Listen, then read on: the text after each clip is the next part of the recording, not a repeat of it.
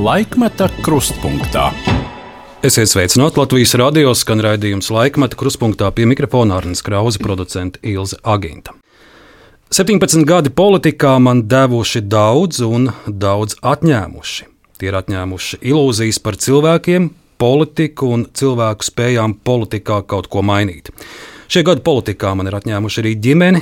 Tas ir vienīgais, ko es būtu gribējis izlabot. Ģimenes zaudējums man iemācījis svarīgu atziņu: politika vecumdienās tev roku neturēs. Politika reiz beidzas, bet cilvēki, kur ir pazaudēti, kamēr esi politiķis, jeb iedomāta zvaigzne, pēc tam var būt grūti atgūstami.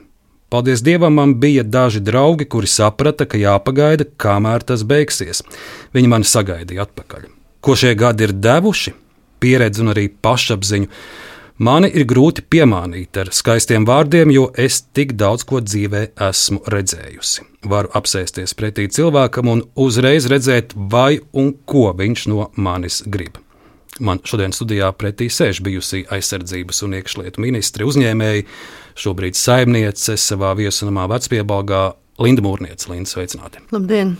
Es apsēžos pretī cilvēkam un uzreiz redzu, ko viņš no manis grib. Linda, es izlasīju kādā intervijā šos jūsu vārdus, un tā, tā ar ne, nelielu satraukumu sāku šo interviju, kā Linda, piemēram, mani noskanēja tagad. Nu, kā no ir acīm redzam, ko jūs no manis gribat interviju, diezgan garu un visticamāk diezgan atklātu. Tāda tā noteikti ir izdosies. Linda, kā jums šobrīd klājas?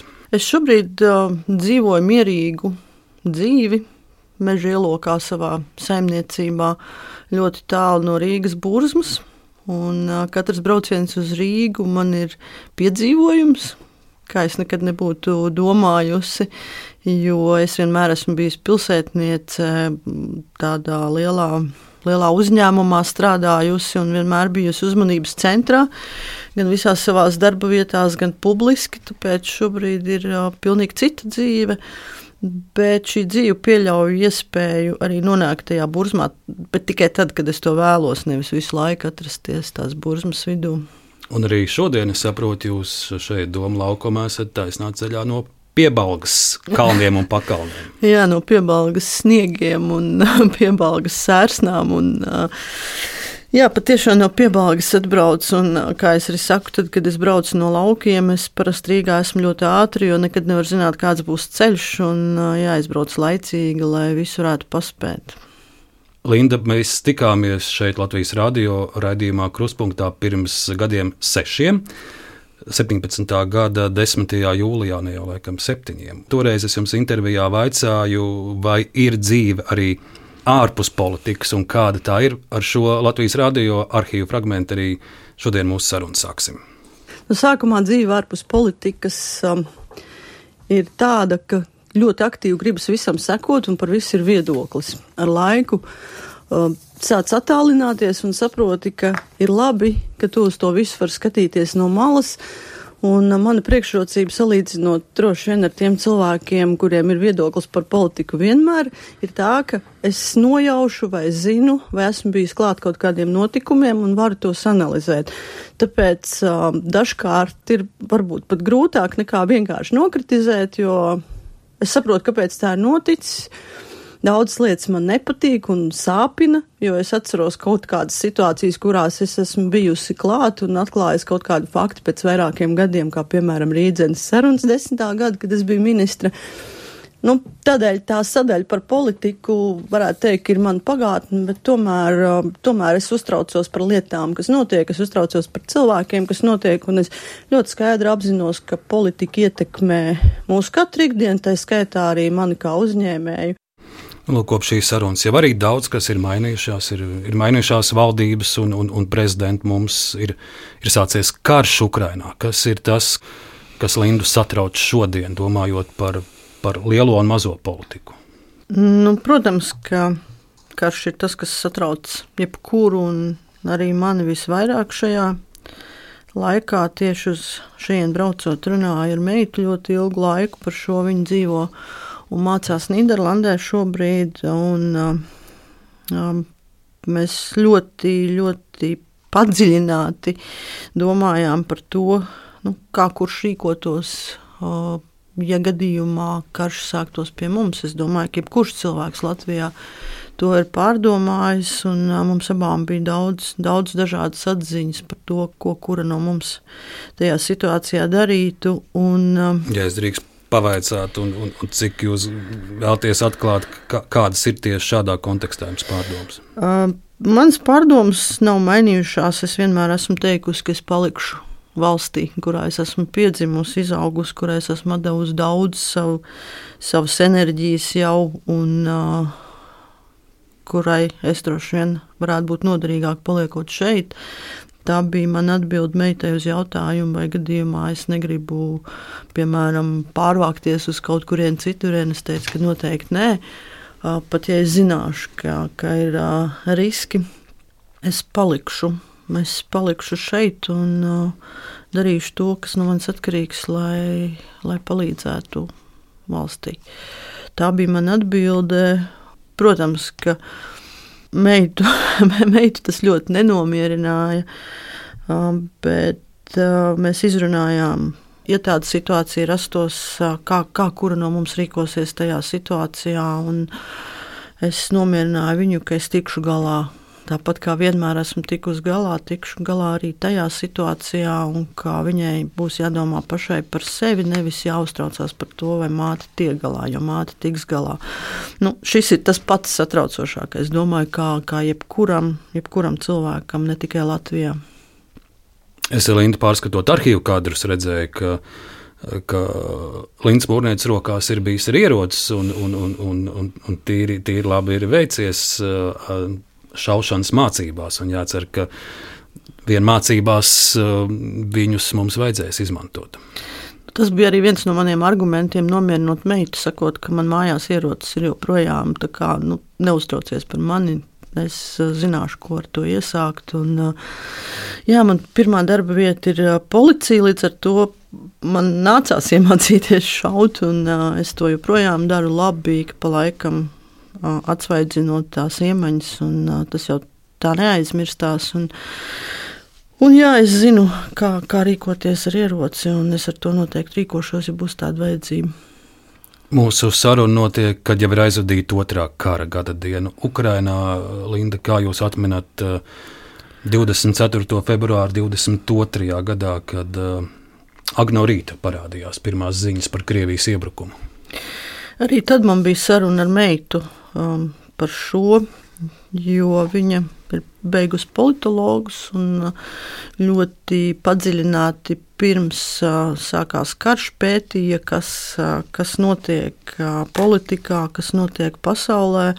Viņa bija tā, kur arī man iepriekš teica, ka tas ir uh, diezgan reāli. Uh, Un es pieredzējusi politikā, pieredzējusi aizsardzības ministru, iekšlietu ministru, kas tikai vēl neteica, nē, tas, nav, nu, tas vienkārši neticami tā nebūs. Un, uh, nākamajā rītā, kad tas sākās, tad uh, nu, atkal mums bija tā saruna par to, ka tas tomēr ir noticis.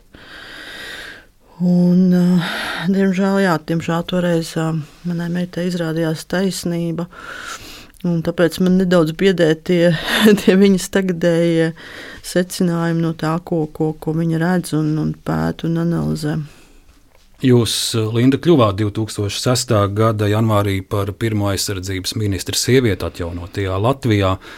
Nu, tolaik tas vēl bija laiks, kad Latvija tikko bija iestājusies NATO un kad NATO ar Krieviju mēģināja pat veidot kādas, kādas ciešākas attiecības. Uh, Putins toreiz jau bija pie varas. Eh, no šī laika vadot aizsardzības ministriju, eh, ko jūs atceraties, kādi tolaik bija mūsu bruņotie spēki, un vai varat salīdzināt, kādi tie ir tagad, Krievijas draudi un apdraudējums toreiz un tagad? Nu, ir pagājuši pietiekami daudz gadu, lai bruņotie spēki būtu tikai attīstījušies un uzlabojuši savus gan kaujas spējas, gan tehniskos nodrošinājumus. Arī NATO sastāvā mēs esam parādījuši sevi no vislabākās puses. Tas bija tikai pats sākums. Un jau toreiz es zināju, ka bruņoties spēki ir tie, ar kuriem mums tiešām ir pamats lepoties, jo tie vienmēr ir bijuši augstā līmenī.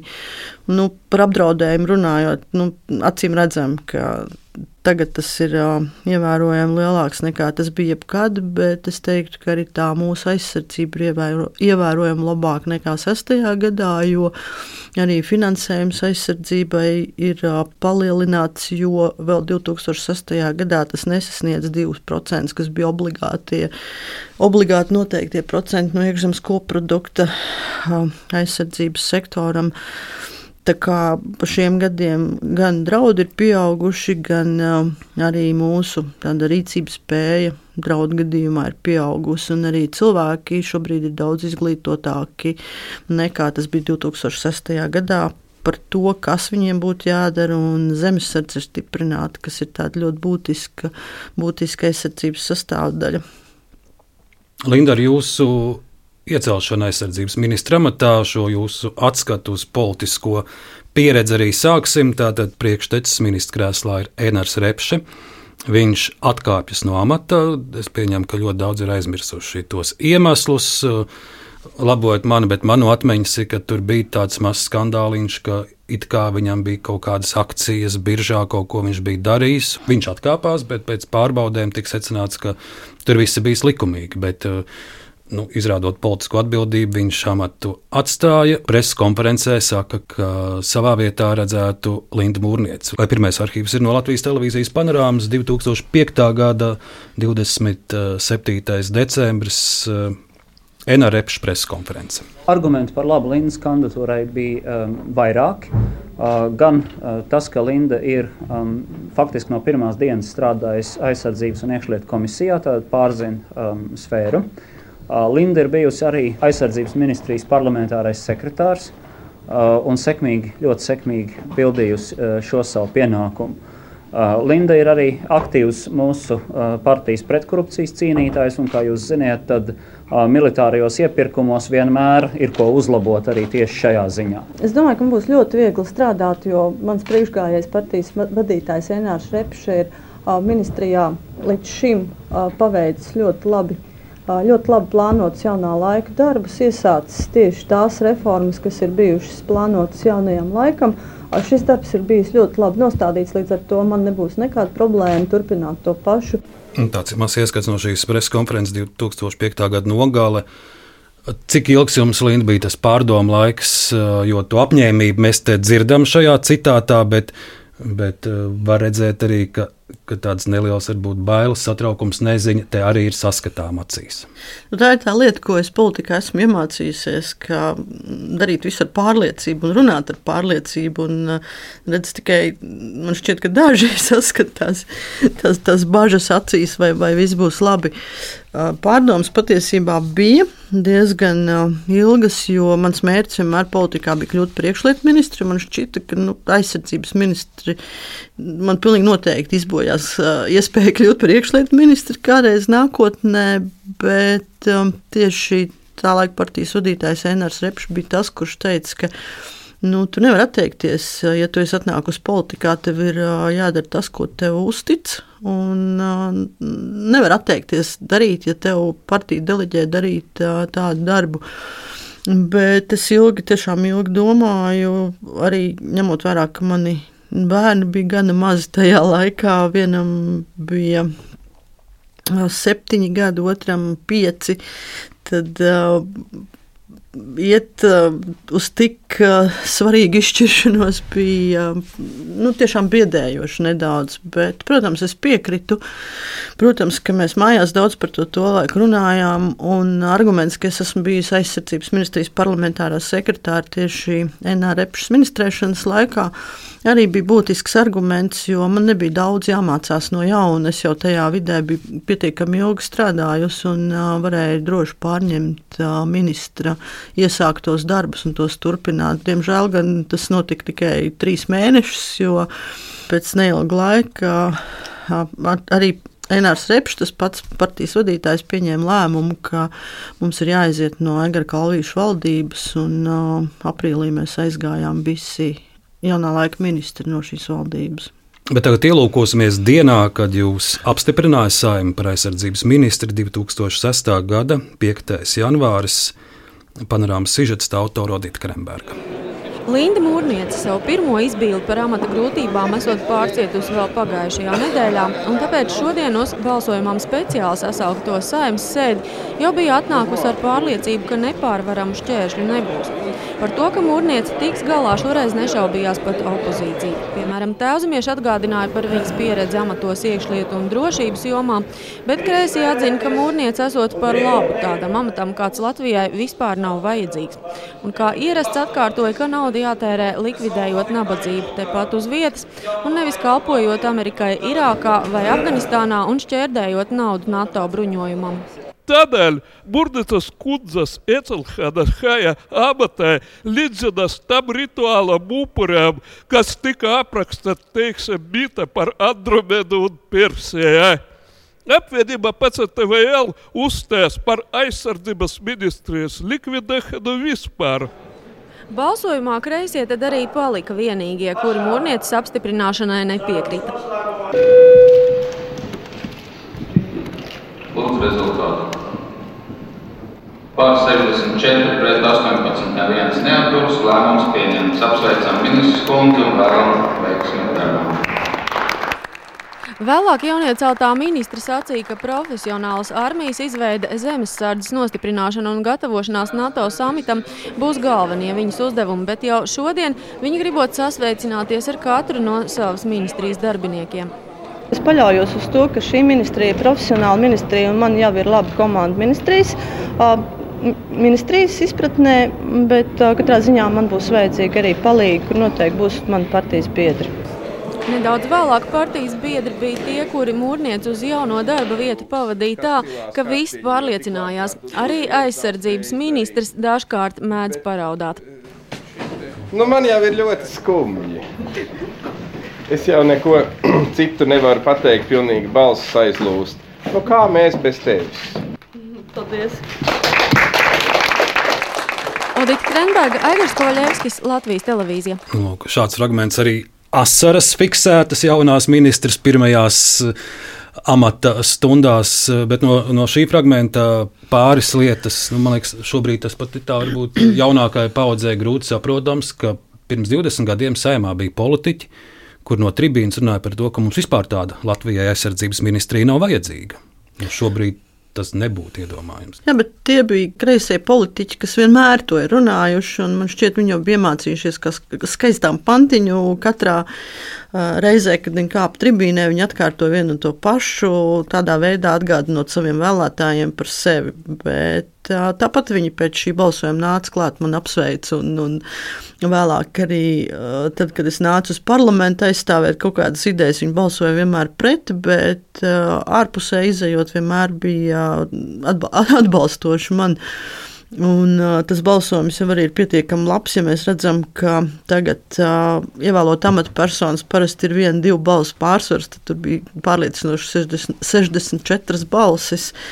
Tas vien ir tāds, nu, tagad skatoties, bija diezgan liels aizkustinājums. Ja, ka, bet par ko tās asaras toreiz bija, vai tas vēl ir prātā palicis? Nu, nē, bet pagājis. tas tā skatoties to sižetu nojaušu, ka es biju aizkustināta par to kolēģi atbalstu tajā brīdī. Uh, tajā brīdī arī par opozīcijas atbalstu un arī par to, ko viņi teica. Un, cik es atceros, tad visu man parlamenta darbības laikā man bija koleģiālas attiecības arī ar opozīciju, jo es pret visiem kolēģiem izturējos ar cieņu un draudzīgi nešķirojot, kurš koalīcija, kurš kurš ir opozīcijā, un tāpēc man tas atbalsts vienmēr ir bijis arī vēlāk.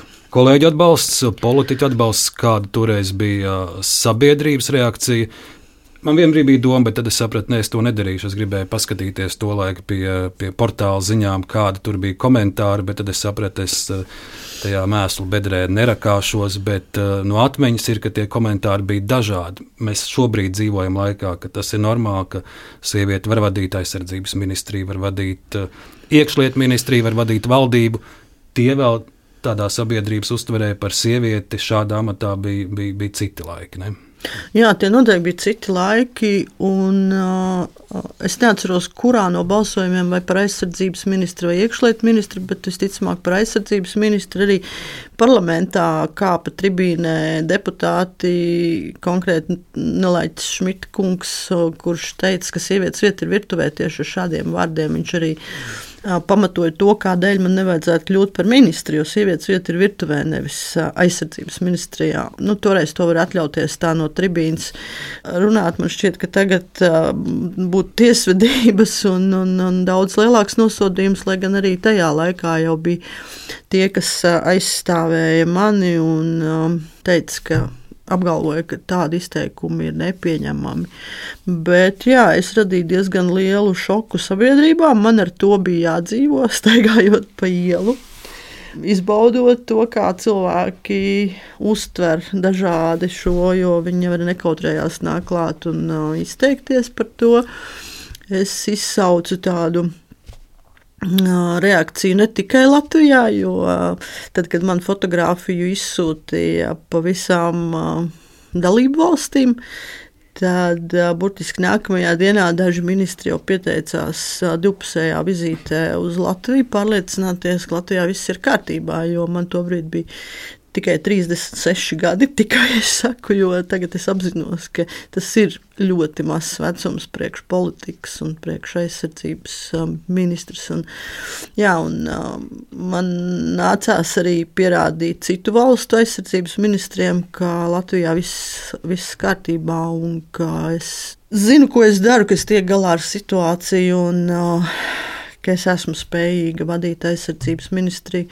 Bet pirmais brīdis jau bija, ka man tas bija jāpierāda ģenerāļiem aizsardzības ministrijas ierodoties pirmajā dienā uz ministriju kur man sagaidīja ar ziediem, kas uh, ir tāds um, pozitīvais salīdzinot ar vīriešiem, jo vīrieši man šķiet ar ziediem negaida. Man visur bija ziedi priekšā, un varēja redzēt, ka tiem ģenerāļiem patīk to ziedus pasniegt, bet uh, nu, tas bija tikai tāds labs ievads, un tad man bija ļoti pārliecinoši jāpastāst viņiem, kā mēs turpmāk strādāsim, tas arī nebija viegli, bet es pierādīju, ka es, uh, ka es to varu.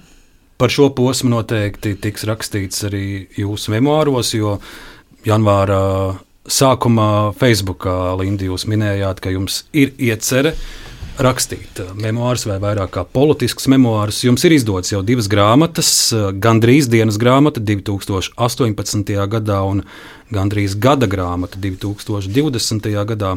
Šīs pirmās grāmatas uh, raksturojot, jūs esat teikusi, es rakstu par to, kas man ir svarīgs, kas sāpina, kas liek raudāt par to, ko mīlu un ienīstu, par ilgām zaudējumiem, vilšanos, spēku un darbu. Pirmajās divās, un paldies arī no jūsu rokām šodien saņemt uh, pirmo grāmatu. Pirmajās divās ir vairāk ieskats arī privātajā un, un emocionālajā pasaulē. Es saprotu, ka, ka šajā grāmatā, kas tagad taps, tur vairāk tas fokus būs tieši, tieši uz politikas virtuvi. Jā, tās pirmās grāmatas ir tādas vieglas, viegli lasāmas, īsi stāstīņi, emocionāli par mani, par cilvēkiem apkārt, arī par, par darbu, bet tādā ļoti vieglā formā. Tad uh, janvāra sākumā es pieņēmu lēmumu rakstīt grāmatu, ierakstīju par to Facebook, lai būtu to pateikusi skaļi, lai man nav atkāpšanās ceļa. Šobrīd jau esmu uz, sarakstījis grāmatai plānu, kā es plānoju to, to rakstīt. Un, tuvākajās dienās arī ķeršos klāt un domāju, ļoti ātri uzrakstīšu, jo es jūtu, ka es nevaru staigāt ar to visu, kas man ir jāpasaka. Es, es naktīs negulēšu, es neuzrakstīšu to grāmatu ļoti īsā laikā. Jā, tā būs par manu karjeru no brīža, kad es sapratu, ka es kādreiz nākotnē gribētu kļūt par iekšlietu ministru. Sākumā gan tas bija vairāk kā joks, bet arvien vairāk tas pārvērtās par nopietnību. Un par to brīdi, kā es nonācu politikā, kā es kļuvu par deputāti, to visu es plānoju aprakstīt, ieskaitot, protams, arī uh, politiskās nianses, politikas virtuvē un uh, atspēkot mītus un nepatiesības, kas um, ir bijušas arī par mani izplatītas. Jo tajā brīdī, kad tu esi politikā un mēģini kādam stāstīt, kā bija patiesībā, tas jau nevienu vairs neinteresē, jo visiem ir viedoklis un visi ir savu lēmumu pieņēmuši, ka bija tā. Un tad lūk, šī būs man iespēja pastāstīt, kā bija īstenībā. Gan tas, kas ir noticis ar mani, gan tas, kas ir noticis parlamentā kaut kādās situācijās. Nu, un, protams, iekšlietu ministrija ir tas pamat, pamats visai grāmatai, kur man ir visvairāk ko teikt un visvairāk ko rakstīt. Un, es domāju, ka būs, būs interesanti lasām viela visiem. Nu, tieši jūsu iekšlietu ministrs amatposms arī būs tas, ko mēs šodien raidījumā arī Protams, mēs nevaram visu pieredzēto aplūkot, bet varbūt dažas tādas spilgtākās epizodes mēs palūkosimies. Tas vēl pēc brīža, bet uh, stāstot par to, kādēļ jūs vēlaties, lai šāda grāmata top, jūs rakstījāt, ka par sapņiem ir dārgi jāmaksā, un uh, varbūt tikai tagad ir tā, tā kārtīgi aizdzījušas visas tās brūces, uh, rētas, kas šajos gados un amatos ir pieredzēts Kādēļ, kādēļ vēlēšanās šīs rētas atkal uzplēst?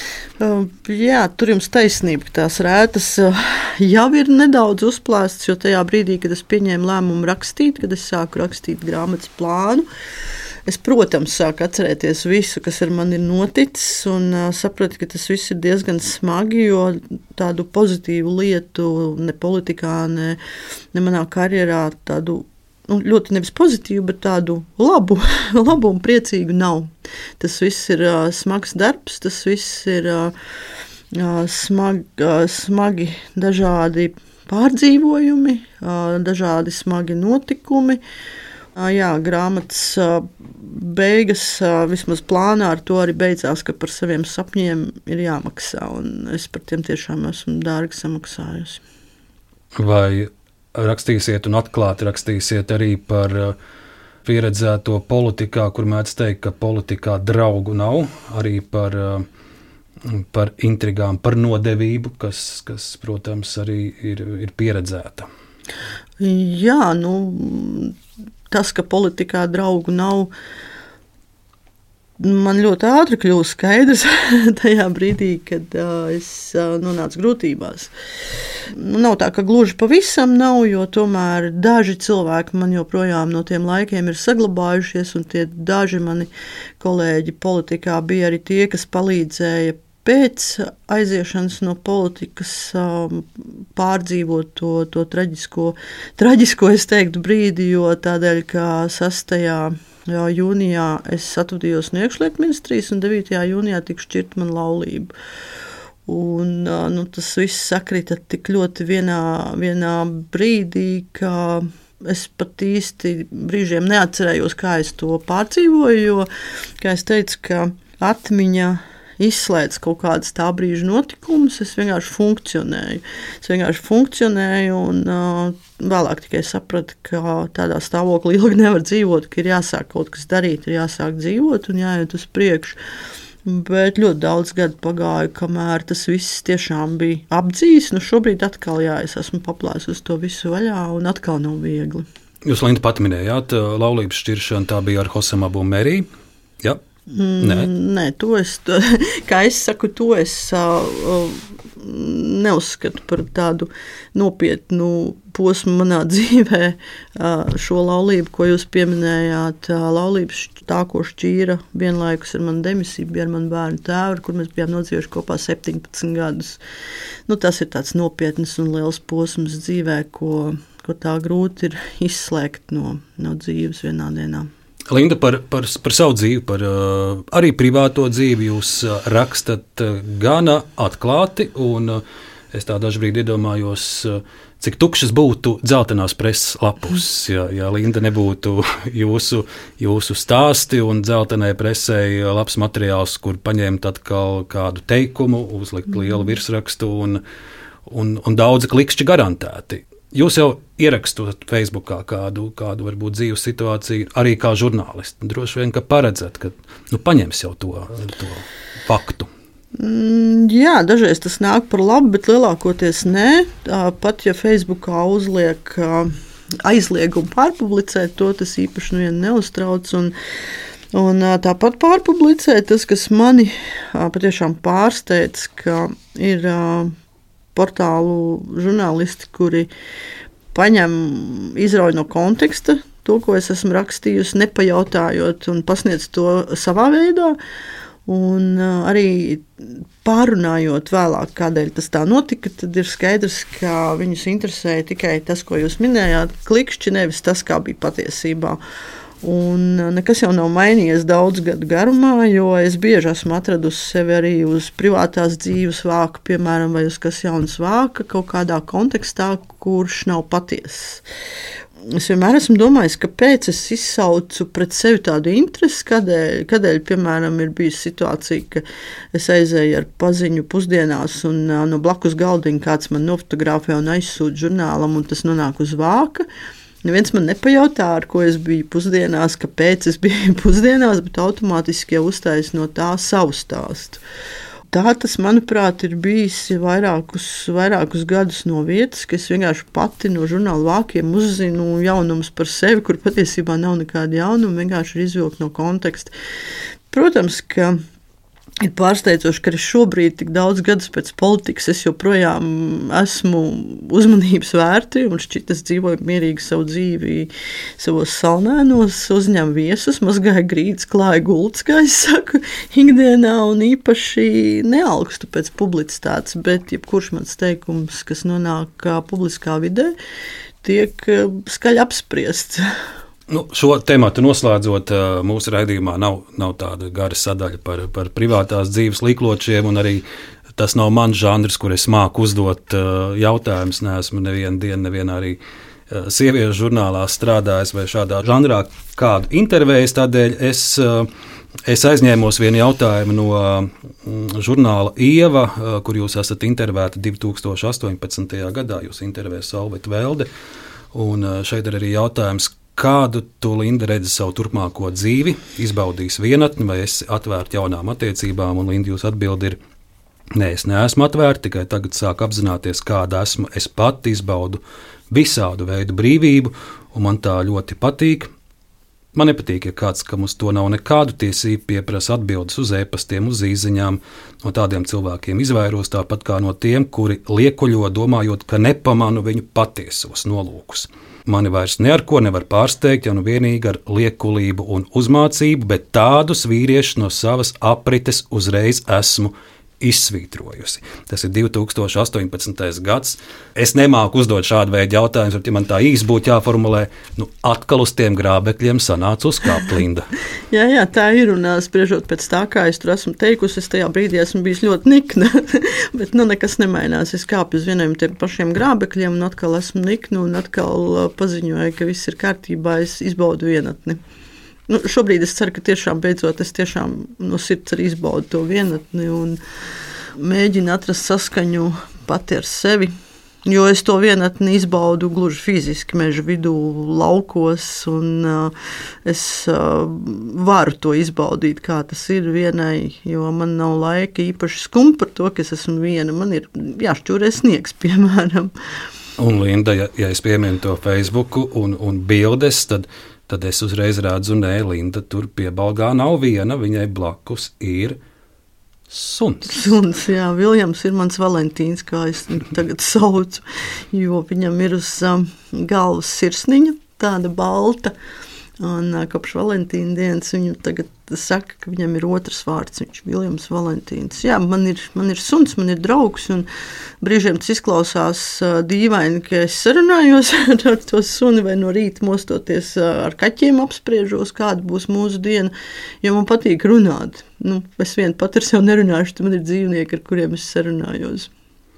Linda, pabeidzot šo, šo sadaļu par, par privāto pusi, Daudz intervijas es arī pārlūkoju. Jūs daudz un atklāti runājat par, par saviem bērniem, par sarunām ar saviem bērniem, par saviem vīriem un, un, un dzīvē sastaptajiem vīriešiem. Es gandrīz nekur neatradu nevienā sarunā, nevienā intervijā, ka jūs pieminētu savus vecākus. Viena, viena rindkopa ir no vienas sarunas, kur jūs sakat, man nebija vecāku. Vecmāmiņa man stingri audzināja, un es vienmēr biju viena. Man pat īsti nebija draugi, jo vecmāmiņa mani sargāja. Līdz ar to man vienmēr pietrūka emocionālas tuvības, tieši tāpēc vienmēr esmu vēlējusies to attiecībās ar bērniem.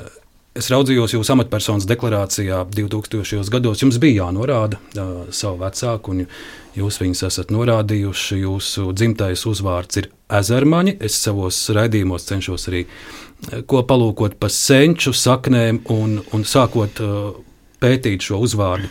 Es sapratu, es redzēju, ka tur ir kāds stāsts. Uh, kurš, uh, kurš vai nu no jūsu puses nav izstāstīts, vai jūs to nevēlaties stāstīt, jo man bija grūti savilkt teiksim, to, to koku kopā. Un, un tas garais jautājums ir īss, cik daudz jūs pat vēlaties par saviem vecākiem pastāstīt un par savu dzimtas uzvārdu.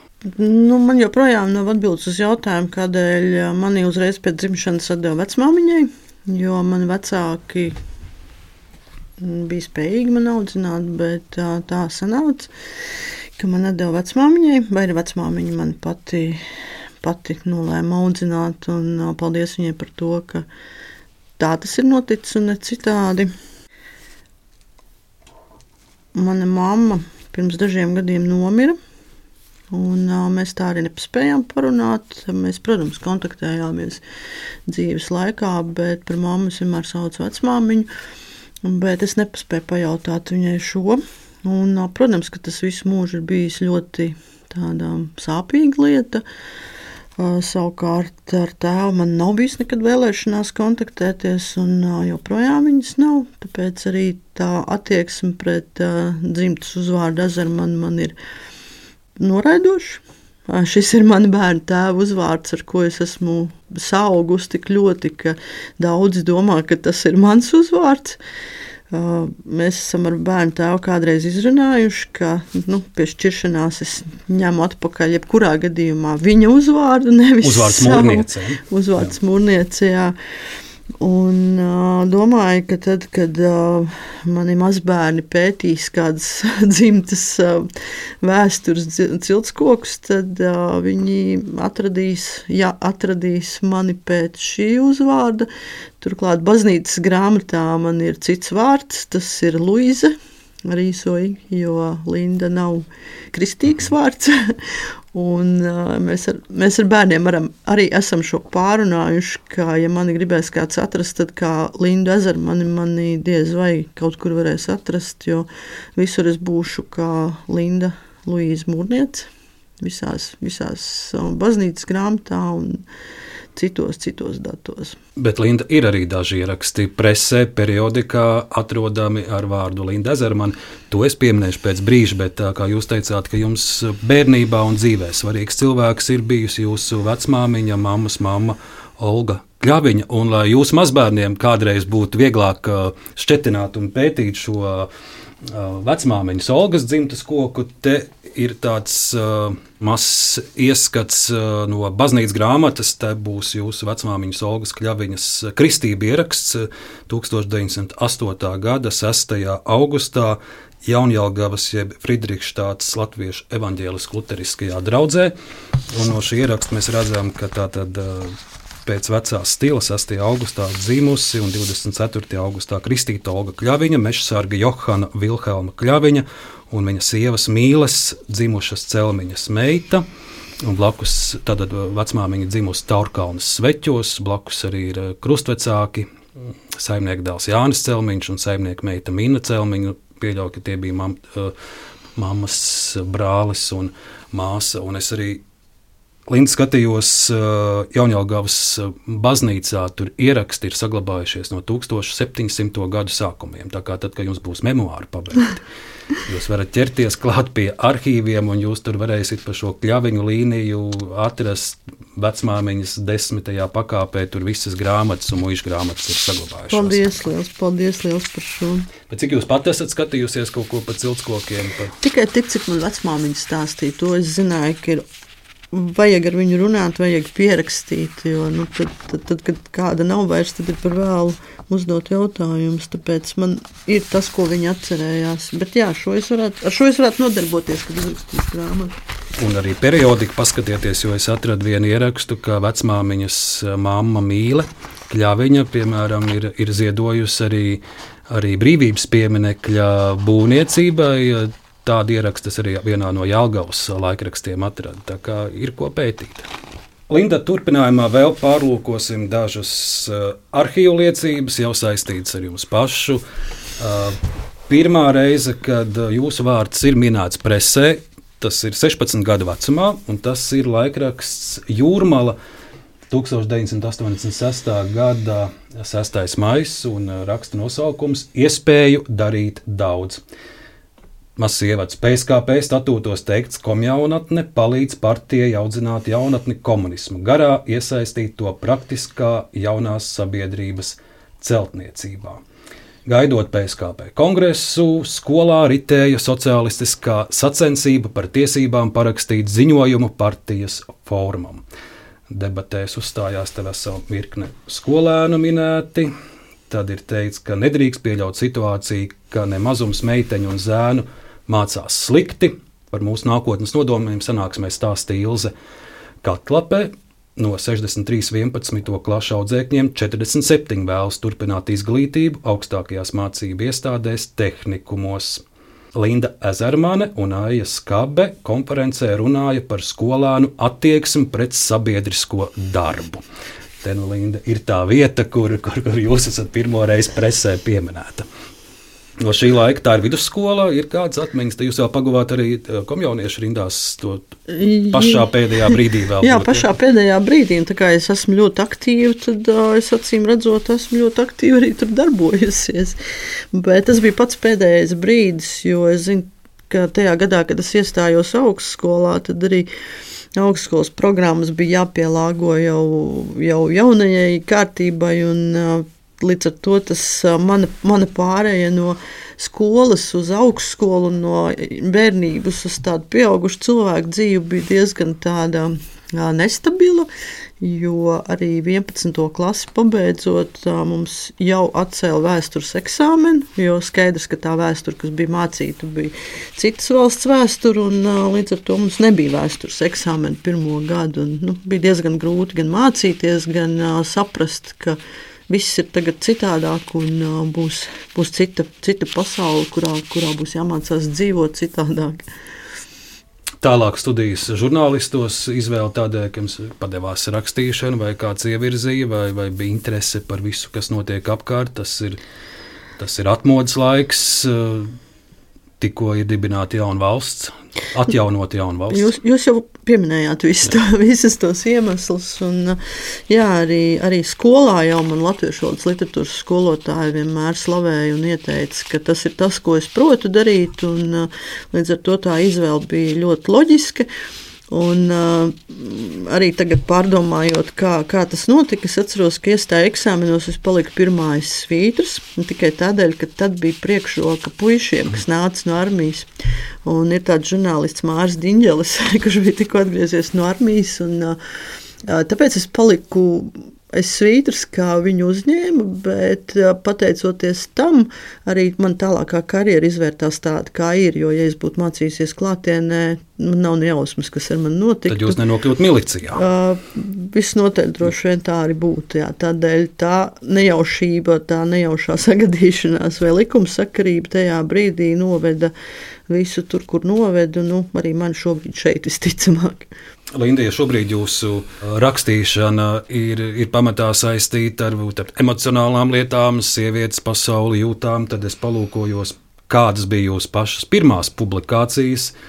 Uh, tur, tur tādām no sievišķīgām tēmām vispār pat tūmā nekas nav. Pats pirmais raksts, ko es atrodu, publicēts ar uh, tolaik vēl uh, Lindas Ezermanas vārdu, ir 93. gada augusts Latvijas jaunatne un raksta nosaukums Muita neattaisno cerības. Un pēc tam ir vesela virkne rakstu, kas ir tieši par dažādām nelikumībām, kontrabandas lietām. Tie skatos, ir bijuši tie paši pirmie temati jums, kā jaunajai žurnālistei. Jo es nonācu darbā iekšlietu ministrijā, tolaik tur bija tāda avīze kaujas postenī pie ministrijas, kurā es sāku strādāt. Uh, Un loģiski, ka tur nekādu citu rakstu nebija kā par kriminālām lietām un dažādiem noziegumiem. Un tas, tā bija mana pirmā pieredze gan žurnālistikā, gan pirmā pieredze policijā. No turienes gan es ļoti ātri pārgāju strādāt tieši uz policiju, jo man kļuva garlaicīgi aprakstīt to, ko dara policijā. Man šķiet, ka man pašai ir jādara tas, par ko es visu laiku esmu rakstījusi. Un tad no rakstītā tikai vēl viens piemērs, nezinu, vai jūs apminēsiet tādu uh, stāstu. Uh, raksta nosaukums Brālīgie robežsargi 1997. gads neatkarīgā rīta avīze. Mm, arī mazs citāts līdz šim man likās, ka uz robežas kukulis jādod, lai pārvestu, piemēram, narkotikas, kontrabandas kravu vai galu galā attaisnot kādu iztrūkstošu zīmogu dokumentos, izrādās, ka jāmaksā arī par to, lai vispār tiktu mājās. Šajās dienās atgriezāmies no atvaļinājuma, kur noslēgumu bijām pavadījuši kaimiņu valstī Igaunijā. Lielākās problēmas sākās. Te ir par, par karti viss kaut kas garš tās, bet, bet garais tās īsumā ir, ka bija gara, gara rinda, un jūs redzat, ka tie priekšējie sāk kaut kur meklēt kaut kādas naudas makus, kaut kādas maisiņas, jo ir jādod kukuls Igaunijas robežsargam, lai tiktu pāri. Un tad vēl raksta beigās, te ir tāds stāsts. Uh, un tad nonācām pie mūsējiem, Pirms prasīt mums dokumentus, mūsējais paprasīja, cik samaksājāt Igaunim. Kad bijām snieguši atbildi, viņš apmierināti nogrozīja galvu un mēģināja atcerēties, ka vēlāk Igauniem jāatņem 50 kronu, lai cik brālīgi sadzīvo. Lūk, cik brālīgi sadzīvo Igauni ar latviešiem. Nu, tad, tad, tad tā ironija, bet arī tas tā 90. vidus realitāte, kad vēl bija robeža. Jā, un es joprojām esmu tāda, ja es redzēšu, ka kaut kas tāds notiek, es noteikti nepaklusēšu, un par to vajadzēs izteikties. Es šo neatceros, bet nekas nav mainījies. Es noteikti turpināšu izteikties, ja es redzēšu, ka kaut kas nebija kārtībā. No 90. gadu vidus mēs laikā pārcelsimies uz 2000 gadiem, un viena īsa sadaļa, kur sarunā arī grib pieminēt jūsu laiks jaunajā laikā, gan jau arī topošajos memoāros tas tiks aprakstīts. Es varbūt šodien paņemšu vienu vien mazu epizodi. Protams, bija arī dažādi konflikti un starpgadījumi, un, un atsevišķi garāks stāsts ir ar Solvitu Āboldiņu. Neapšaubām arī ļoti spilgtu tā laika jaunā laika politiķi. Es paņēmu no panorāmas arhīva vienu sižetu, lai aptuveni raksturotu to laiku un situāciju, kas notika partijā 2007. gada vasarā. Panorāmā ir sižets, tā nosaukums konflikts jaunajā laikā. Sižeta autora Zana Ozoliņa eh, stāsta par to, ka frakcijā turpinās nesaskaņas. Eh, frakcijas biedri izteikuši neusticību Solvitī Aboltiņai un atcēlus viņu no frakcijas priekšsādātāja vietnieces amata. Un šajā sižetā būsiet pieminēti arī jūs, tad mazs fragments.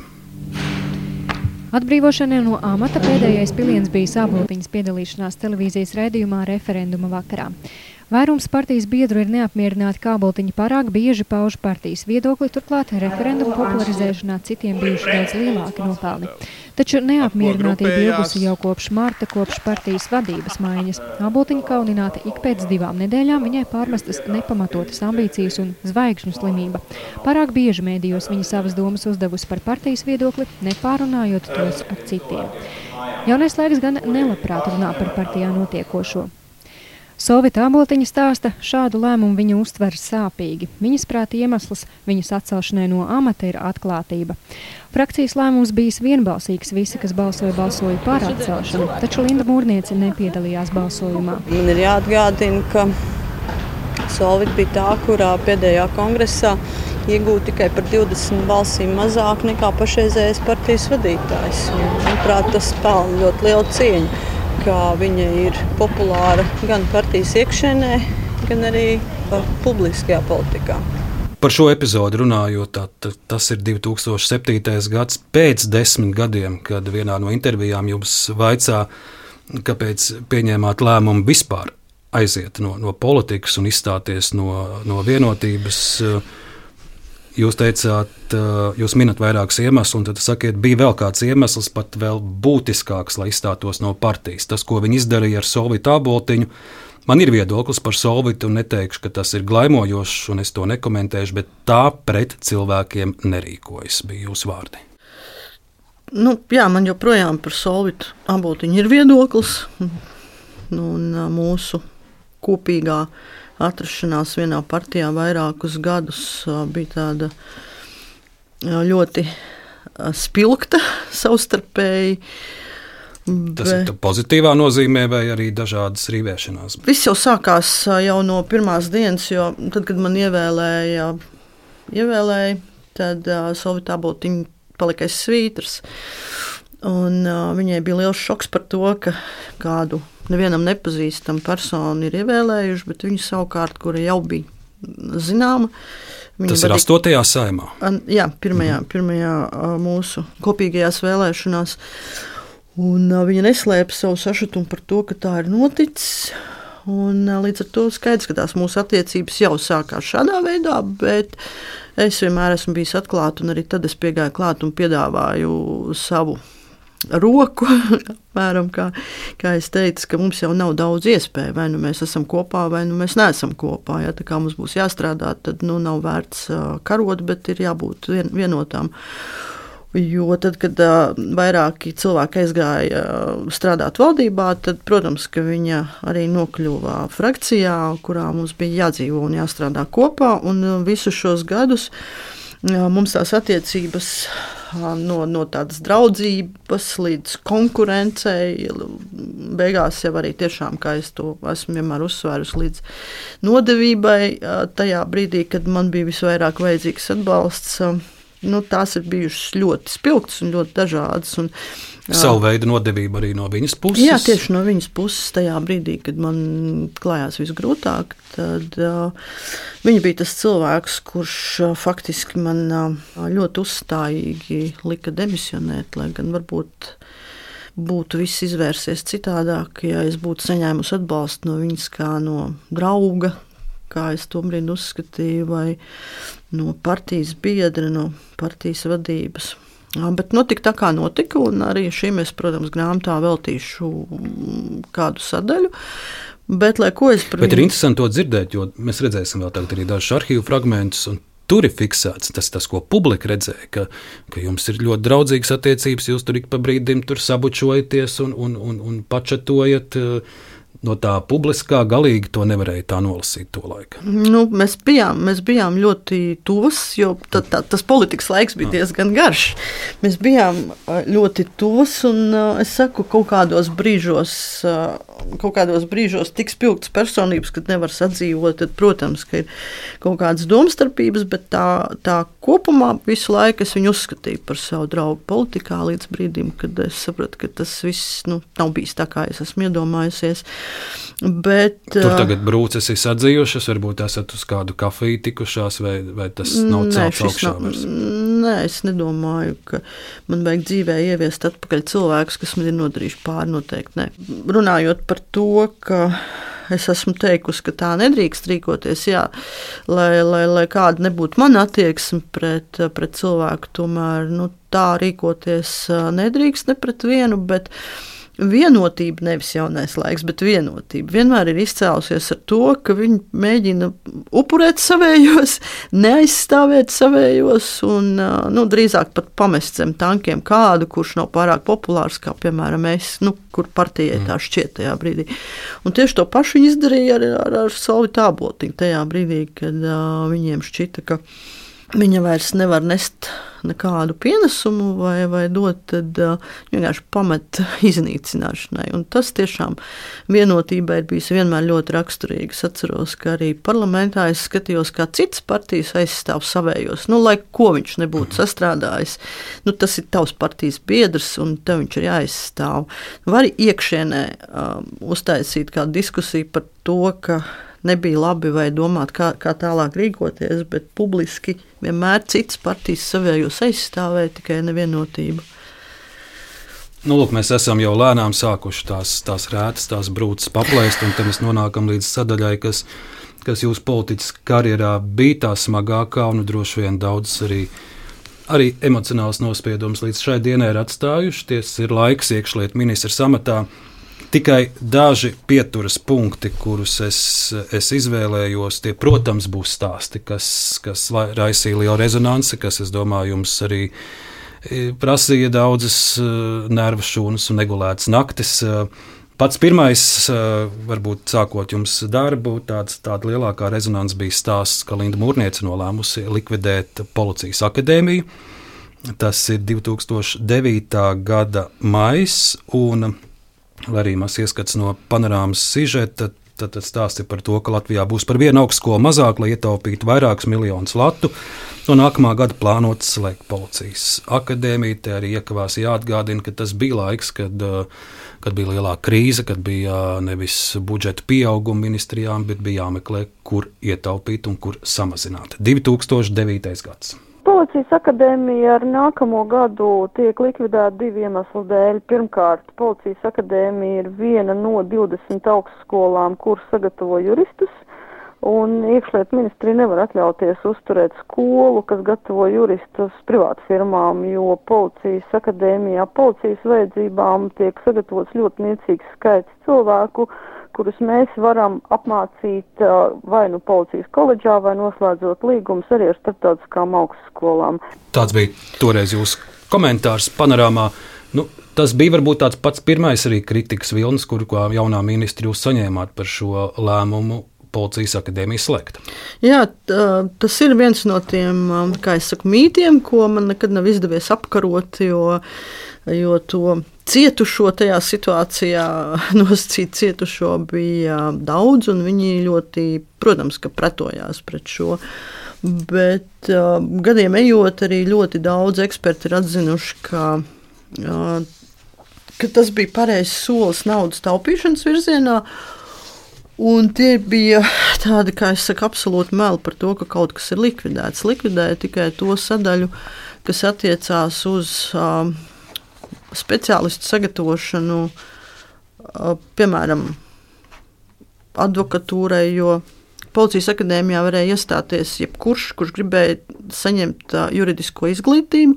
Līdz ar to iekšlietu ministrija savā bāzē, savā teritorijā ar saviem pasniedzējiem uz savu rēķinu apmācīja speciālistus, kuri pēc studijām aizgāja projām, nevis palika dienestā. Tie cilvēki, kas bija nepieciešami iekšlietu ministrijai un policijai ar augstāko izglītību, bija precīzi 40 studenti, kuri tajā laikā tika pārlikti uz Latvijas universitāti. Latvijas universitāte noslēdz līgumu par to, ka turpinās apmācīt cilvēkus, kam policijā nepieciešama augstākā izglītība. Vēlākos gados arī Stradiņu universitātē bija atvērta policijas studijas augstākajā, augstākā līmeņa policijas studijas. Bet tas galvenais arguments, kāpēc tas, bija jādara, jo tā policijas akadēmija bija palikusi kaut kādā Minskas augstskolas iepriekšējās nu, tādā ēnā, vai, vai, vai nezinu, pār, pārņem, pārņēma tās augstskolas. Augstskolas, nu, padomu laika vēsmas, un patiesībā tā kvalitāte bija ļoti zema, jo tie pasniedzēji, kas strādāja policijas akadēmijā, viņi paralēli strādāja vēl kādās piecās, sešās augstskolās. Viņš ieskrien nolasa lekciju pieciem studentiem vienā vietā, viņš skrien tālāk, lasa to pašu lekciju citur.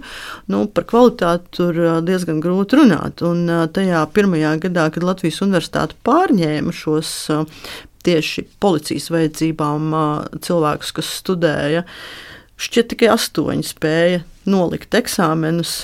Pārējie bija, protams, pielietojuši savas iemaņas, kā piemēram noklausīšanās ierīces eksāmena laikā sabāzuši kabatās un tā tālāk. Un tā tālāk. Un universitāte atzina, ka nu, tas kurs nav spējīgs nokārtot eksāmenus, jo viņiem ir ļoti nekvalitatīva apmācība salīdzinot ar to, ko universitātē prasīja. Līdz ar to kaut kādā mirklī eh, teica, ka policijā ir slikta atklājumība, policijā uh, slikti darbinieki vai nu, kaut, kaut, kaut kādi argumenti, kādēļ viss ir slikti. Tādēļ, ka policijas akadēmija likvidēta. Jau uh, nākamajā gadā, pēc tam, kad, tas, kad, kad tā akadēmija bija pārlikta uz universitāti, nu, kur nav loģikas, jo tāpēc, gada laikā tur strādā tie, kas jau ir beiguši akadēmiju. Tie ir beiguši akadēmiju, un tas ir tas rezultāts, ko mēs redzam akadēmijas beidzējus. Bet policija nekad nav bijusi palikusi bez iespējas apgūt augstāko izglītību, tā kā tas ir nepieciešams.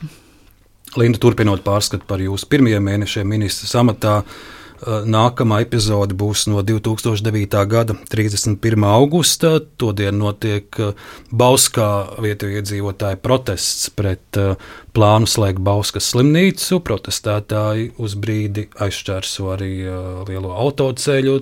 Tur video kadros mēs redzam, ka ir arī īpaša uzdevuma vienība, notiek tāda neliela pagrūstīšanās arī tikai lai atsauktu atmiņā, kas toreiz to dienu Bauskā notika.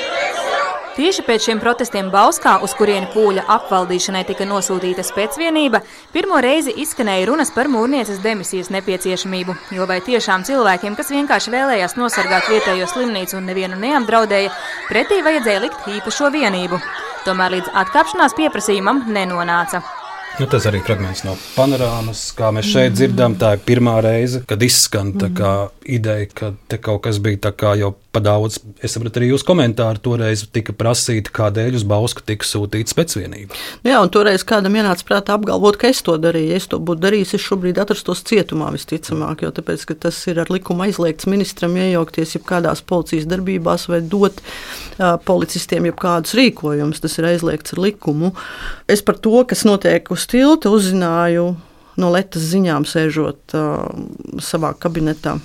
Un, uh, tādēļ arī šis ir viens no tiem apkarojamiem mītiem, ka neviens tajā brīdī neklausījās, ko saku es, jo visiem bija viedoklis. Visi bija izsecinājuši, ka mūrnieks aizsūtīs pēcvienību, un mūrnieks ir pie tā vainīga. Mūrnieks nevar aizsūtīt nekur pēcvienību, Un uh, Mūnietis tiešām par šo uzzināja tikai no Latvijas ziņām. Tas, ko es vēlāk komentēju, es aizstāvēju savus kolēģus, kas uh, bija pieņēmuši šo lēmumu, jo es uzticējos, ka viņi zināja, ko viņi dara. Jo tas ir starptautisks ceļš, uh, starptautiska šosei, pa kuru brauc arī no citām valstīm mašīnas. Un, acīm redzot, tie, kas atradās uz vietas, pieņēma šādu lēmumu. Un, uh, es vienmēr esmu gājusi līdzi saviem kolēģiem vai gājusi viņu vietā tajās situācijās, kad viņi ir jāizstāv, jo viņi dara savu darbu.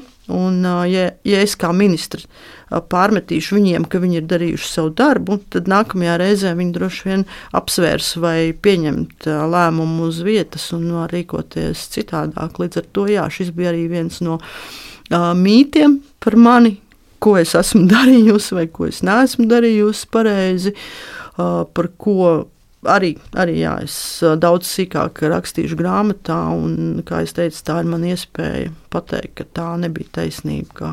Un tas nebija, nevis tikai nebija taisnība, bet tas bija ļoti netaisnīgi pret mani, jo man bija ļoti grūti ar savu viedokli tikt kaut, kaut kur pa vidu, gan, gan publiski, gan arī nu, cilvēku vidū man nebija iespēja paskaidrot, jo visiem jau viss bija skaidrs. Vai topošajā grāmatā būs arī kāda mazāka vai lielāka sadaļa par nākamo epizodi, kas man ir no arhīva paņemta par kratīšanu pie žurnālists Ilzas Naglas un šis stāsts ar Neo, jeb Ilmāru Poikānu, kurš nopludināja vidu datus par, par amatpersonu ienākumiem? Mm, nu, ja jūs sakat, ka vajag, es varu arī var, par to pakomentēt, bet nu, arī, arī, arī tur es saku. Tik vien tādēļ, lai saprastu, kur ir mīti vai, vai, vai kur ir fakti un, un kā jūs tos redzat.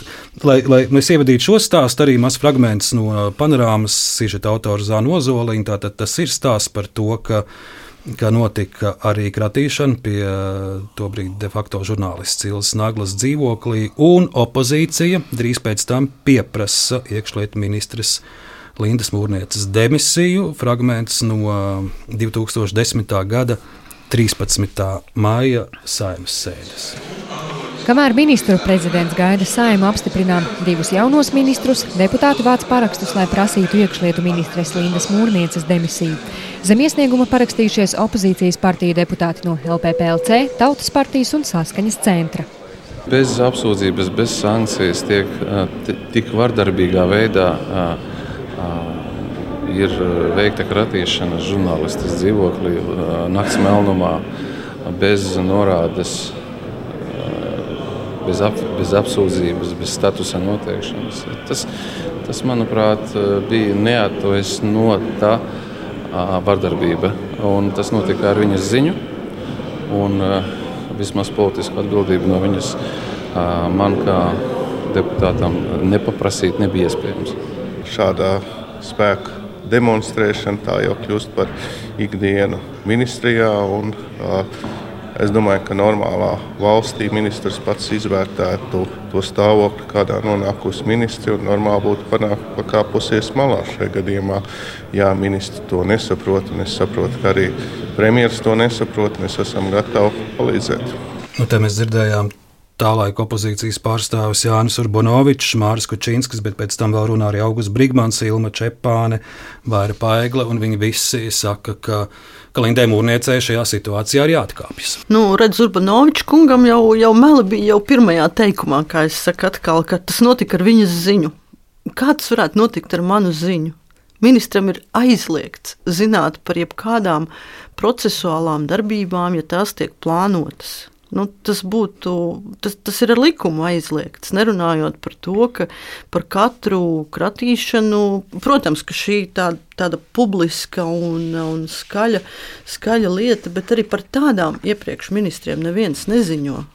Es vienmēr esmu domājis, ka pēc tam ir bijuši dažādi, dažādi nu, laika gaitā notikumi iekšlietu ministrijā, kur policisti ir izdarījuši būtiskus pārkāpumus, kur policisti ir nonākuši kaut kādās situācijās. Nevienam citam ministram nekad neviens nav pārmetis, ka reku, policists, piemēram, ir nogalinājis cilvēku vai policists ir izdarījis vēl kādu pārkāpumu. Es biju vienīgā ministra, kurai vienmēr pārmet jebko, kas notika kā es kādreiz, tad, kad man bija spēks pasmieties, es no rīta modos un teicu, kāds šodien laiks lietus līst. Mūrnietis atkal nav norganizējis sauli.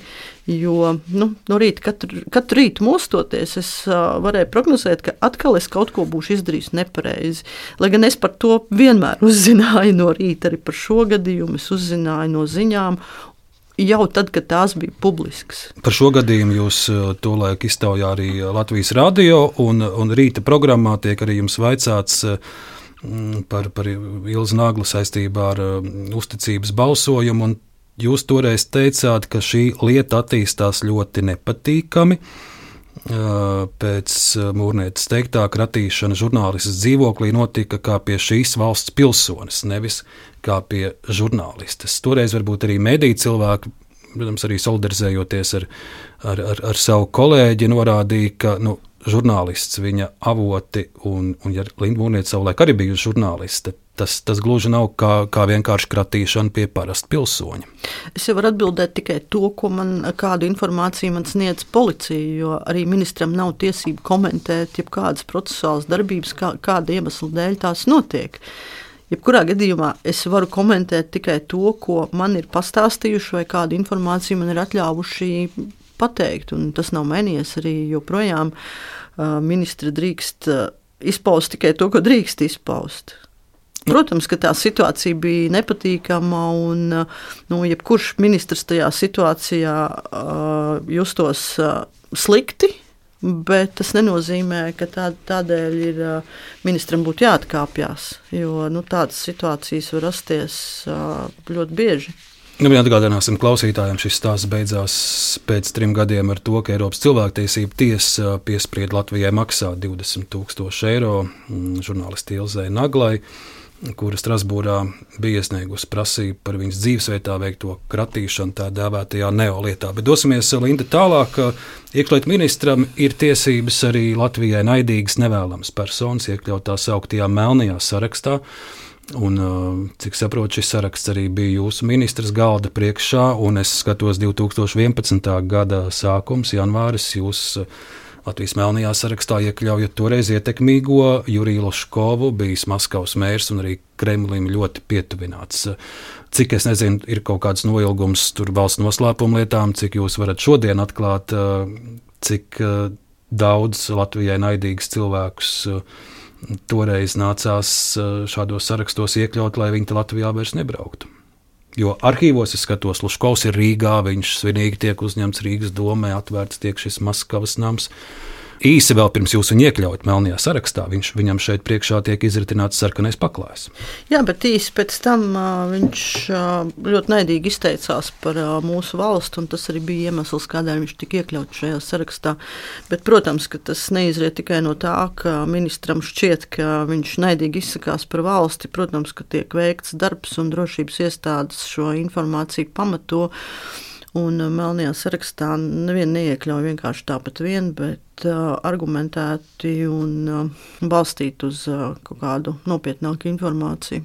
Un, Linda, mēs nonākam pie notikuma, kas uh, ir viena no tumšākajām lapusēm arī Latvijas uh, policijas uh, jaunāko laiku vēsturē, un, un bija savā veidā izšķiroši arī jūsu ministrs karjerā. Tas ir 2011. gada janvāris.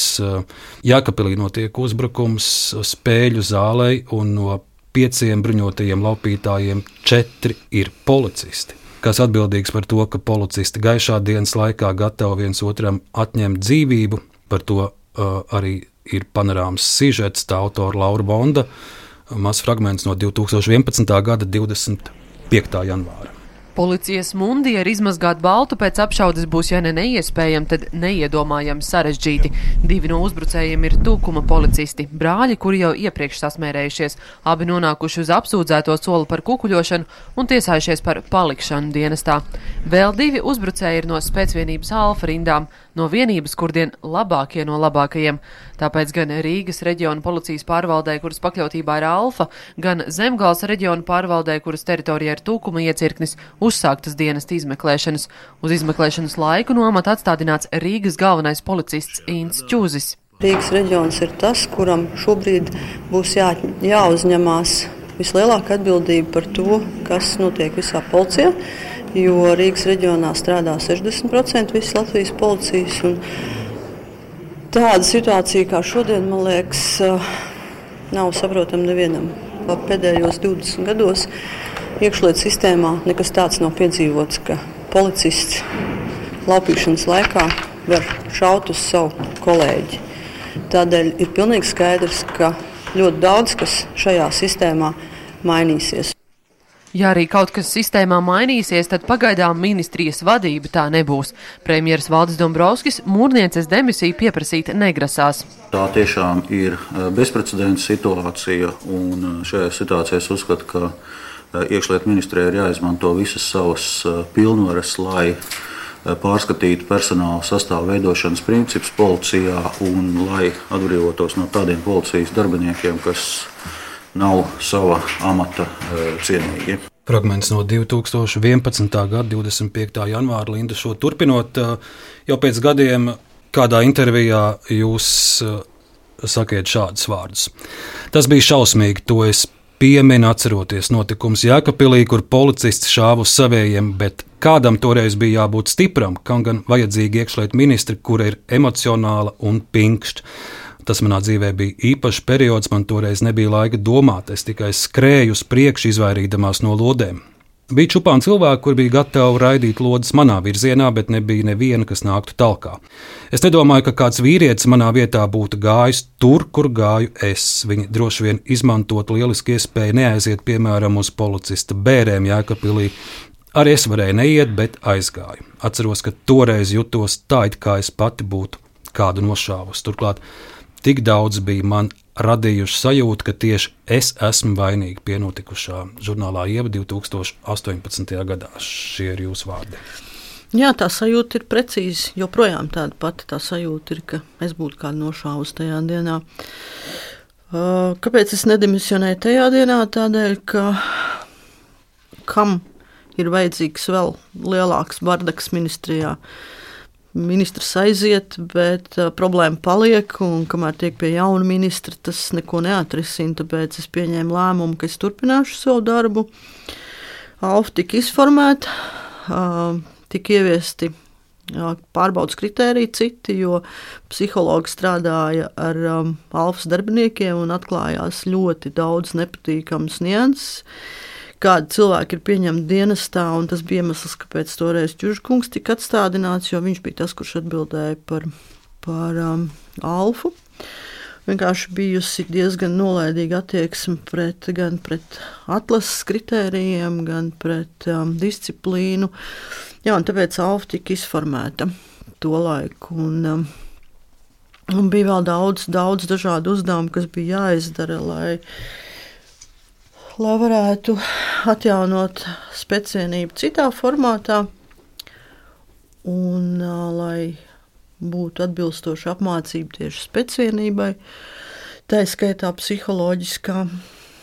Bet nu jā, tās, tās dienas bija, bija smagākās laikam visā manā karjerā. Tas, un arī policista bērns. Jā, tas, ko es ievā jā, saku, es atceros, ka, protams, es varēju neiet uz tām bērniem. Man arī Mm, bija sajūta, ka es to nevaru, bet uh, es sapratu, ka visi uz mani skatīsies un uh, man ir jāiet. Un, uh, es aizbraucu uz kapiem, un bija ļoti daudz policistu izkārtojušies gar ceļa malām, ejot uz kapliču. Un es um, gāju pa to garo aleju, Un man tiešām bija sajūta, ka viņi uz mani skatās tā, it kā es būtu nošāvis to cilvēku. Nu, es domāju, ka jebkuram ir skaidrs nu, tās manas emocijas tajā brīdī, kā, kā es to varēju. Es atceros, kā, kā es braucu pēc bērniem uz mājām pie saviem bērniem. Es atbraucu mājās un laikam kādu stundu sēdēju mašīnā, jo tā bija ļoti, ļoti smaga diena. Un, uh, Tajā laikā sakrita arī dažādi notikumi. Mums bija paredzēta asins donoru diena iekšlietu ministrijā tajā dienā, kad uh, nošāva policistu. Un, uh, es, protams, gāju nodot asinis, jo es jau zināju, kādam mērķim tagad ir jānodod asins. Es nodevu asins un uzreiz braucu uz Jēkabpilnu. Jo man bija skaidrs, ka man tur ir jābūt. Man nebija skaidrs, ko es tur darīšu un ko es tiem cilvēkiem teikšu. Un arī to man šķiet, ka visi var iztēloties, ka sēž zālē policisti, kuriem tikko ir nošauts kolēģis, viņi zina, kas to izdarīja, un uh, viņi zina, ka tie bija policisti. Un pēkšņi atbrauc ministri, kura grib viņiem kaut ko pateikt, un uh, viņiem ir pilnīgi vienalga, ko tā ministra teiks. Un tad man šķiet, mēs tā vienkārši visi sēdējām un klusējām tajā, tajā dienā. Un, uh, Vakarā valsts policijas priekšniekam bija jāiet uz televīziju, bet es kā vienmēr aizgāju viņa vietā. Man šķita, ka man ir jāturpina sargāt savējos. Un, protams, ka uzreiz, uzreiz atkal prasīja man demisiju. Un tas, kas mēģināja skaidrot, ka nu, tas neko nemainīs, ka man ir jāizdara kaut kādas lietas, lai tas neatkārtotos, jāsakārto, jāsaprot vispirms, kas ir noticis un kā tas ir noticis. Arī ar tiem diviem tukumu policistiem, kā bija iespējams, ka viņi turpina darbu, ja viņi ir jau bijuši sasmērējušies. Un tā arī bija diena, kad manī neviens neklausījās, un uh, blakus nebija neviena. Arī no partijas nebija neviena. Uh, neviens man neatsūtīja padomnieku, kurš man uh, palīdzēs tikt galā ar situāciju, vai publisko, vai nu, jebkādu. Jo es vien pati risināju tad, uh, nu, to, ko es pratu uz vietas. Protams, dienas darbinieki bija klāti, bet uh, jā, tas, tas bija tas brīdis, kad es sapratu, ka nu, mani vienkārši pametuši, jo es vairs neesmu izdevīga nevienam. Un, tiec un pati galā. Un tā, tā nu es tiku galā tā, tā kā es pratu tajā brīdī. Jūs redzējāt, sākumā minējāt, ka tas, tas bija jūsu sapnis reiz uh, kļūt par iekšlietu ministru, bet droši vien viss sliktākajā sapnī nevarētu nosapņot, ka tas, ka tas fināls būtu šāds. Jā, bet es domāju, ka, ka man to manu sapni atļāva piepildīt ministrijai vis tādā grūtākajā laikā, jo tā bija krīzes, krīzes laiks. Un, um, droši vien tikai es, kas par to biju sapņojusi, es, kas nācu pati no tās vides, varēju vislabākajā veidā, kādā nu, tas bija iespējams, tikt galā ar uh, tiem uzdevumiem, kas bija tajā brīdī, kad to ir budžeta griešana. Iekšlietu ministrijai nav kapitāla sabiedrība, iekšlietu ministrijai nav um, fondu naudas, ko, ko varētu, no kā varētu atteikties iekšlietu ministrijai tehnika un iekšlietu ministrijai cilvēki. Un, lai kur negrieztu, sanāk uh, griezt cilvēkus. Un, uh, jā, nu, es droši vien nevarēju iedomāties, ka būs tā. Linda, no tiem jūsu gadiem, es teikšu, daudziem gadiem politikā, šodien raidījumā, vien šie bija daži fragmenti, un kā mēs dzirdējām, redzējām, nu, visi šie stāsti ir, ir, ir, ir smagi stāsti. Jūs politikā būtu izvēlējies kļūt piemēram par kultūras ministru. Mēs visu šo stundu runātu, un es jums rādītu, kā jūs esat atklājusi kādu jaunu. Uh, kultūras namu vai zāli, vai bijusi kādās pirmizrādēs vai operās. Uh, nebija doma variants, ka kādu vieglāku varbūt ministru izvēlēties? Mm, nē, jo mans sapnis bija kļūt par priekšlietu ministru, un es piepildīju savu sapni. Sapnis par uh, viesu māju piebalgā. Tas arī bija tāds uh, ilgstošs, vai tas, tas, tas bija ātrais sapnis, kurš ātri realizējās? Nē, tas īstenībā arī bija tāds. Uh, gaisā palaists sapnis kādreiz, jau ka pirms politikas es vienmēr biju domājusi, ka man patīk parūpēties par cilvēkiem, kas gan īsti negāja kopā ar manu karjeru policijā un iekšlietu ministrijā, bet man šķita, ka man patīk rūpēties par cilvēkiem. Nu, agrāk tikai par draugiem, un tad ar laiku es sāku rūpēties arī par citiem cilvēkiem. Un, jā, tāds bija mans kādreiz arī tāds sapnis, par ko es biju runājusi ar draugiem un stāstījusi, ka es to gribētu kādreiz. Un tad, kad es aizgāju projām no iekšlietu ministrijas, no politikas vispār kādu laiku es dzīvoju mājās, bet um, ļoti ātri pēc tam es sāku vadīt viesnīcu. Un tad es atcerējos to savu kādreizējo arī tādu mazo sapnīti, ka man būs viesnams. Un, um, Tad es teicu, ka jā, nu, es gribēju mazu viesunamiņu, dabūju viesnīcu ar 88 numuriem. Bet, nu, beidzot, man tagad ir tas viesunamiņš mazais, ko es varētu būt gribējusi. Bet, uh, Es jūtu, ka man ar to ir par maz, lai gan es uh, saku, ka es jūtos labi prom no burzmas, bet man tās burzmas tiešām brīžiem pietrūkst. Un, uh, nu, viesu namiņš uh, nav mana spēja robeža. It kā jau es dzīvē visu esmu sasniegusi, karjera man ir bijusi galva reibinoša, kā zināms. Un tagad man ir mazs viesu namiņš. Bieži es domāju, nu, tiešām tas ir viss, kas manī sagaida turpmāk. Tāpēc man vēl ir pietiekami daudz laika, lai es vēl kādu varoņu darbu veiktu. Un, uh, es domāju, ka Nu, es noteikti kaut ko izdomāšu bez tā viesu namiņa savu mazā, jo tur viss notiek, notiek kā notiek pats par sevi brīžiem. Es visu esmu izdarījusi, lai tas tā būtu, bet uh, man ar to ir tiešām par maz.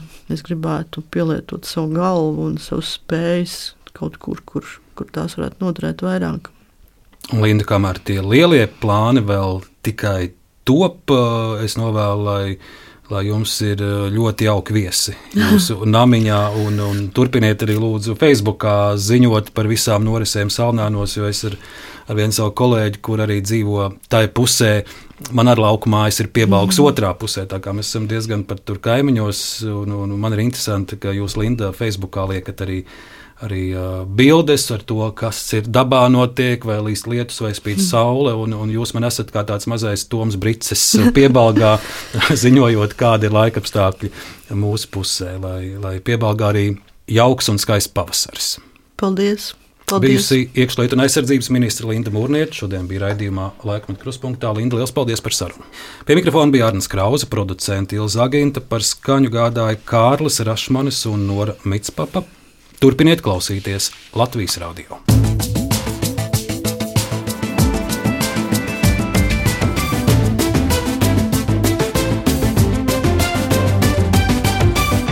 Laikmeta krustpunktā.